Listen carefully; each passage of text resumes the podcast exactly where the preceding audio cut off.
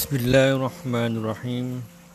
Assalamualaikum warahmatullahi wabarakatuh. Innal hamdalillah ahmaduhu wa nasta'inuhu wa nastaghfiruh. Wa na'udzu billahi min sururi anfusina wa min sayyiati a'malina. May yahdillah fala mudhillalah wa may yudlil fala hadiyalah Asyhadu an la ilaha illallah wahdahu la syarikalah Anna Muhammadan abduhu wa rasuluhu la nabiyya ba'da. Puji syukur kita panjatkan kehadirat Allah Subhanahu wa taala yang telah memberi kita nikmat dan karunia yang tak terhitung sampai pada hari ini hari ke-22 bulan Ramadan. Alhamdulillah kita masih diberi umur panjang untuk bisa menuntaskan puasa kita di bulan Ramadan di hari ke-22 ini. Mudah-mudahan eh, kita masih terus bisa diberikan umur sampai nanti hari terakhir puasa Ramadan.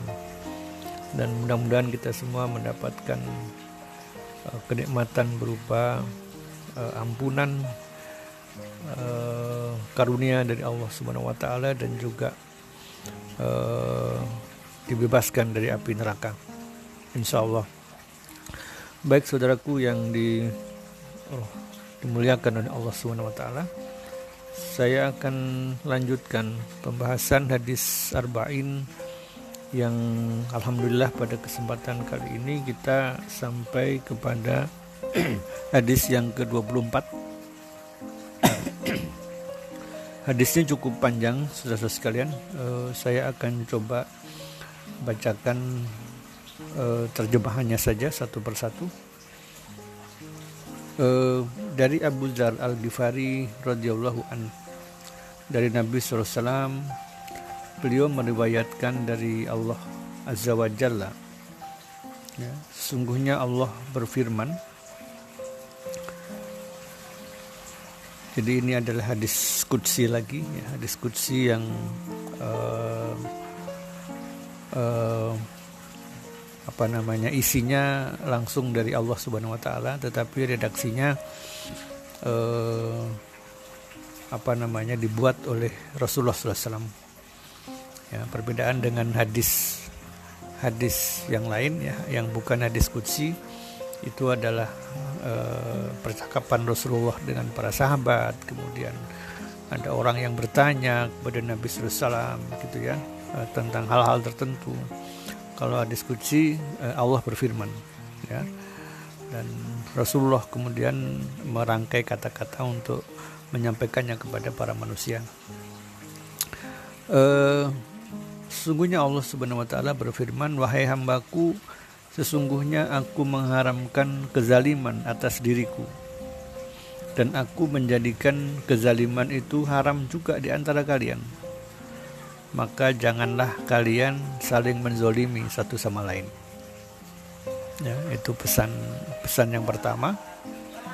Yang kedua, wahai hambaku kalian semua sesat ya kecuali orang yang kami beri petunjuk ya maka hendaklah kalian minta petunjuk kepadaku pasti aku akan memberinya. Ini pesan yang kedua. Ya, yang pertama tadi tentang haramnya kezaliman dan larangan untuk kita menzolimi sesama uh, manusia ya, antara kita. Kemudian yang kedua tentang perintah kalau kita minta hidayah minta petunjuk mintalah kepada Allah.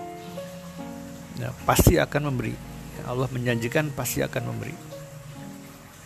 Ya, ini tentu terkait semua hal ya, bukan hanya terkait dengan uh, agama ya, bukan hanya terkait dengan uh, keimanan, tetapi semua persoalan hidup, semua uh, permasalahan, semua pertanyaan-pertanyaan yang kita tidak tahu mau memutuskan apa, maka mintalah petunjuk itu kepada Allah, maka Allah pasti akan memberinya dan dia pasti memberikan tanda ya. Uh, melalui firasat ya melalui melalui pemikiran ya melalui uh, bersitan dalam hati kita ya atau melalui uh, orang lain ya dengan perantaraan orang lain yang menunjukkan bahwa itulah jawaban dari Allah Subhanahu wa taala. Itulah petunjuk dari Allah Subhanahu wa taala. Kemudian nasihat yang berikutnya wahai hambaku kalian semuanya adalah orang yang lapar kecuali orang yang aku beri makan. Maka hendaklah kalian minta makan kepadaku pasti aku akan memberinya. Ya jadi pola nasihatnya sama tapi intinya dari setiap nasihat tadi adalah di ujungnya di ujung nasihat ya. Ujung dari nasihat yang ke tiga ini adalah uh, uh, apabila kalian minta makan minta rizki ya maka mintalah kepadaku. Ya jadi hendaklah kita meminta memohon rezeki itu hanya kepada Allah Subhanahu Wa Taala. Ya bukan kepada sesama manusia. Ya eh, meskipun minta pertolongan kepada saudara, minta pertolongan kepada teman, minta pertolongan kepada orang lain itu boleh. Ya, itu adalah e, sarana, ya, itu adalah cara. Tetapi dalam keyakinan kita, hati kita, ya, maka e, permintaannya adalah permohonan kita adalah kepada Allah Subhanahu Wa Taala. Kemudian yang berikutnya, wahai hambaku kalian semua asalnya telanjang, kecuali yang telah aku beri pakaian. Maka hendaklah kalian minta pakaian kepadaku, pasti aku memberinya. Ya, tadi setelah makanan atau rezeki, kemudian sekarang pakaian. Jadi sama ujungnya yang penting, ujung dari nasihat ini yang penting. Maka hendaklah kalian minta pakaian kepadaku, pasti aku akan memberinya ya, ada kepastian di setiap nasihat bahwa Allah akan mengabulkan permintaan kita. Ya, Wahai hambaku, sesungguhnya kalian berbuat dosa pada waktu malam dan siang, dan aku mengampuni dosa-dosa semuanya. Maka mintalah ampun kepadaku, pasti aku akan mengampuni kalian. Ya, ini Allah meng, me, mengatakan, mengingatkan kepada manusia, kepada kita, makhluknya, hambanya, bahwa eh, sifat manusia itu selalu berbuat dosa. Ya, siang malam, ya sore pagi, ya eh, banyak manusia melakukan dosa, melakukan maksiat. Nah, apakah karena kekhilafan, kebodohan, atau memang disengaja untuk berbuat e, dosa? ya, maka seyogyanya lah kita menyadari hal itu kemudian uh, segera uh, minta ampun kepada Allah Subhanahu wa taala. Ya, dan ketika kita minta ampun uh, kepada Allah Subhanahu wa taala, Allah menjanjikan maka aku pasti mengampuni kalian. Ya, jadi sifat sifat uh, mengabulkan ampunan Allah itu tanpa syarat. Ya, artinya uh, seberapapun banyak ya seberapa sering manusia meminta ampun Allah tidak akan uh, menolaknya ya tidak seperti kita ya kita kalau dimintai tolong saudara kita atau teman kita pertama kali kita masih menolong kedua kali kita masih menolong tiga kali sudah mulai ngomel empat kali mungkin kita mengusirnya. Ya, tapi Allah tidak. Ya Allah sifat maha pengampunnya Allah itu uh, uh, tidak tidak memiliki syarat. Ya artinya sesering apa pun sebesar apa pun kita minta ampunan Allah berjanji akan memberikan ampunan itu kepada kita yang berikutnya wahai hambaku sesungguhnya kalian tidak akan dapat membinasakanku dan uh, kalian tidak akan dapat memberikan manfaat kepadaku Ya, jadi uh, ini kaitannya dengan nasihat yang sebelumnya. Artinya perbuatan dosa kita itu ya mungkin uh, landasannya atau alasannya atau motivasinya adalah untuk membinasakan agama Allah. Ya, untuk uh, meredupkan sinar kekuasaan Allah di muka bumi. Ya. Atau ketika kita berbuat e, kebajikan mungkin niatnya ya akan memberikan e, e, seolah-olah Allah membutuhkan sesuatu Ya, jadi ada kesombongan di, di di dalam perbuatan baiknya tadi, ada sifat ria di perbuatan baiknya tadi. Maka di sini Allah menegaskan bahwa eh, seberapa banyak pun seberapa kuatnya manusia ingin membinasakan agama Allah yang membinasakan Allah berarti membinasakan agama Allah bisa diartikan demikian maka kalian tidak akan dapat melakukannya. Ya sebaliknya kalian juga manusia tidak akan bisa memberi manfaat sedikit pun kepada Allah ya meskipun segenap manusia berbuat baik semuanya ini menunjukkan kebesaran Allah taala kemudian nasihat berikutnya wahai hambaku kalau orang yang terdahulu dan yang terakhir di antara kalian, sekalian jin dan manusia. Mereka itu bertakwa seperti orang yang paling bertakwa di antara kalian, maka tidak akan menambah kekuasaanku sedikit pun.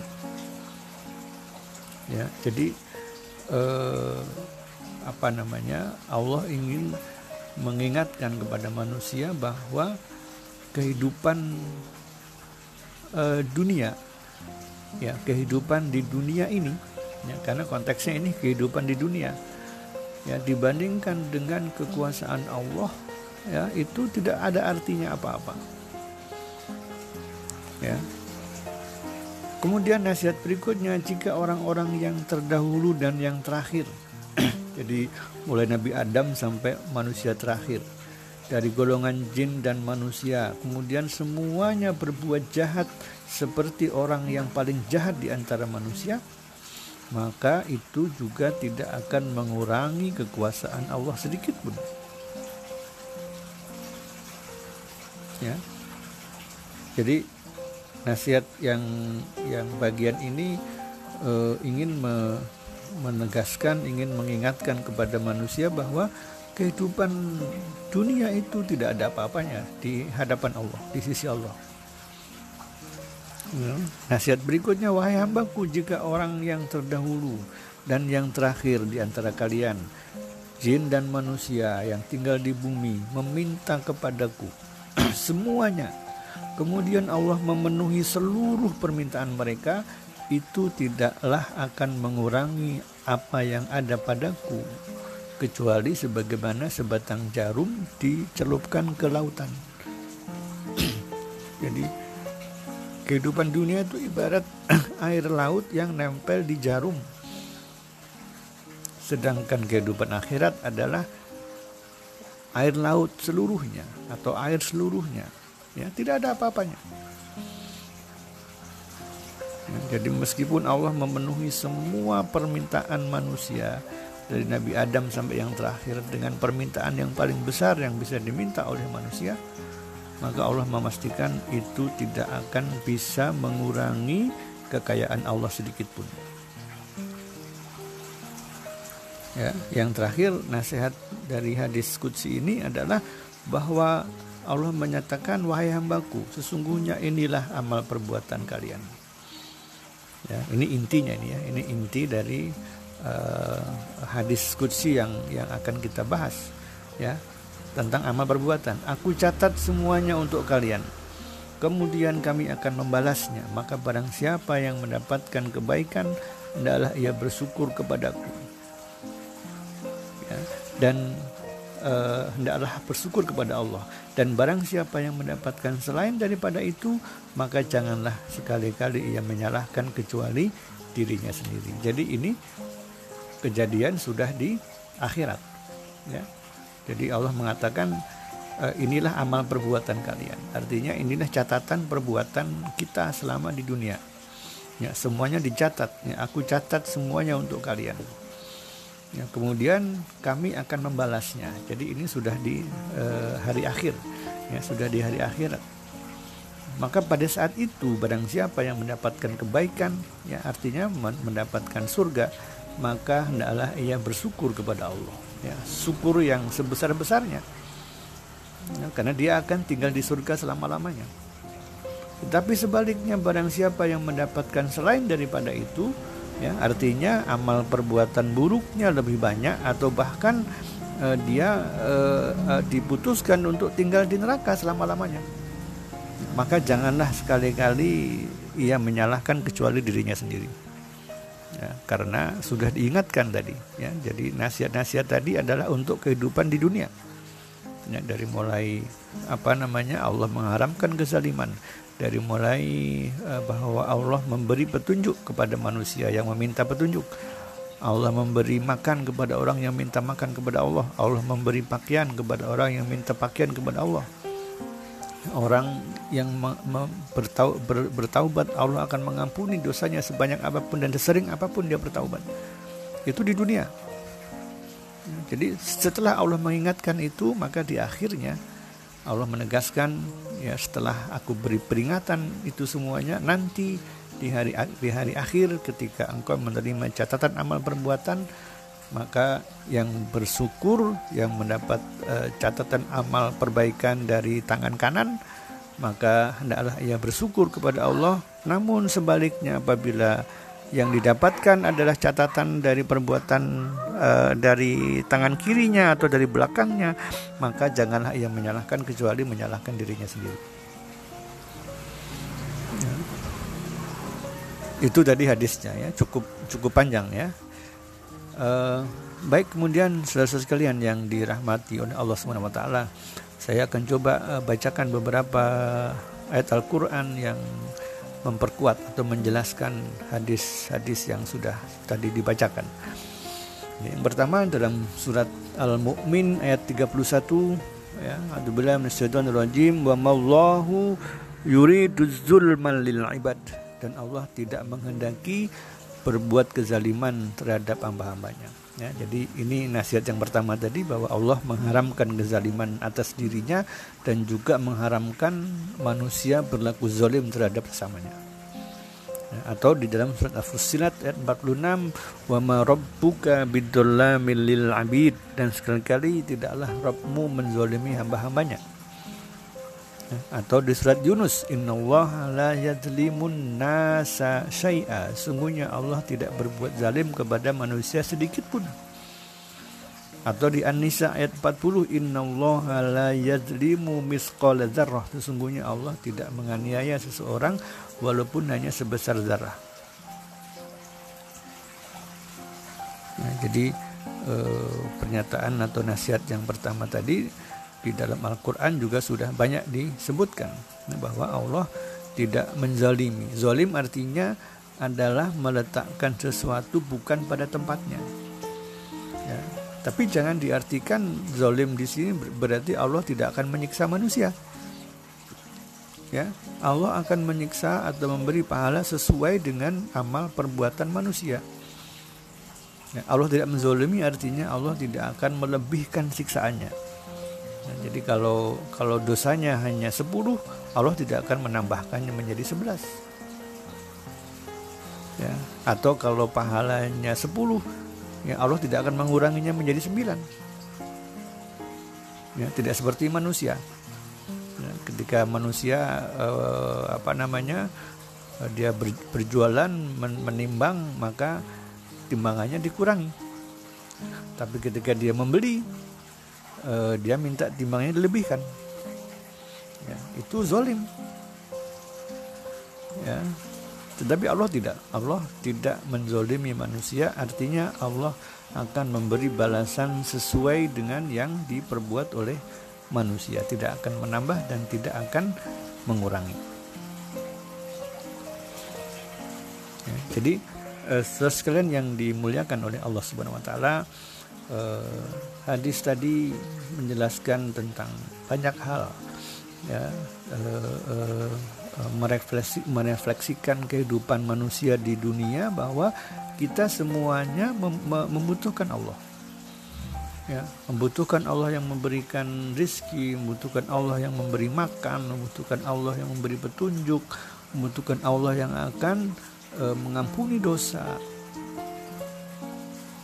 ya Allah memberikan petunjuk karena Allah juga berjanji akan memberikan petunjuk ketika kita minta petunjuk. Ya, di Al-Quran surat Ad-Duha ayat 7 ya, wa wajadaka dhallam fahada. Dan dia mendapatimu sebagai orang yang sesat kemudian dia memberi petunjuk Kemudian di surat Asy-Syura ayat 52, A'udzubillahi minasyaitonir rajim, "Wa kadzalika auhayna ilaika ruham min amrina ma kunta tadri mal kitabu walal iman." Dan demikianlah kami wahyukan kepadamu yaitu Al-Qur'an dengan perintah kami sebelumnya kamu tidaklah mengetahui apakah Al-Qur'an itu dan kamu juga tidak mengetahui apakah iman itu. Ya, jadi uh, iman diturunkan atau diberikan oleh Allah kepada hambanya yang dia kehendaki. Ya dan yang dia kehendaki artinya ketika hambanya minta iman minta petunjuk kepada Allah Subhanahu Wa Taala. Jadi eh, hadis tadi juga mewajibkan kita untuk eh, meminta hidayah hanya kepada Allah Subhanahu Wa Taala yang meminta petunjuk itu adalah hanya kepada Allah Subhanahu wa taala. Ya, jadi sudah sekalian yang dirahmati oleh Allah Subhanahu wa taala uh, mungkin hanya sekian yang bisa saya sampaikan hadisnya cukup panjang dan tadi sudah coba di diuraikan uh, apa namanya penjelasannya dan pembahasannya ya tentu sebatas kemampuan saya dalam menjelaskan uh, apa nasihat-nasihat dalam hadis tadi. Ya, karena kalau dibahas uh, semuanya dan diberikan dalil-dalil Al-Quran dan hadis-hadis yang lain tentu akan sangat uh, panjang ya. Karena hadisnya sendiri sudah cukup panjang. Baik kesimpulannya, baik wahai saudara yang dirahmati oleh Allah SWT, kesimpulannya bahwa uh, kita hidup di dunia ini sangatlah membutuhkan uh, petunjuk dari Allah Subhanahu wa taala ya karena kalau tidak kita uh, akan menjadi orang yang uh, tersesat ya. Tidak bisa memutuskan dengan kebenaran. Tidak bisa mengikuti jalan yang lurus ya.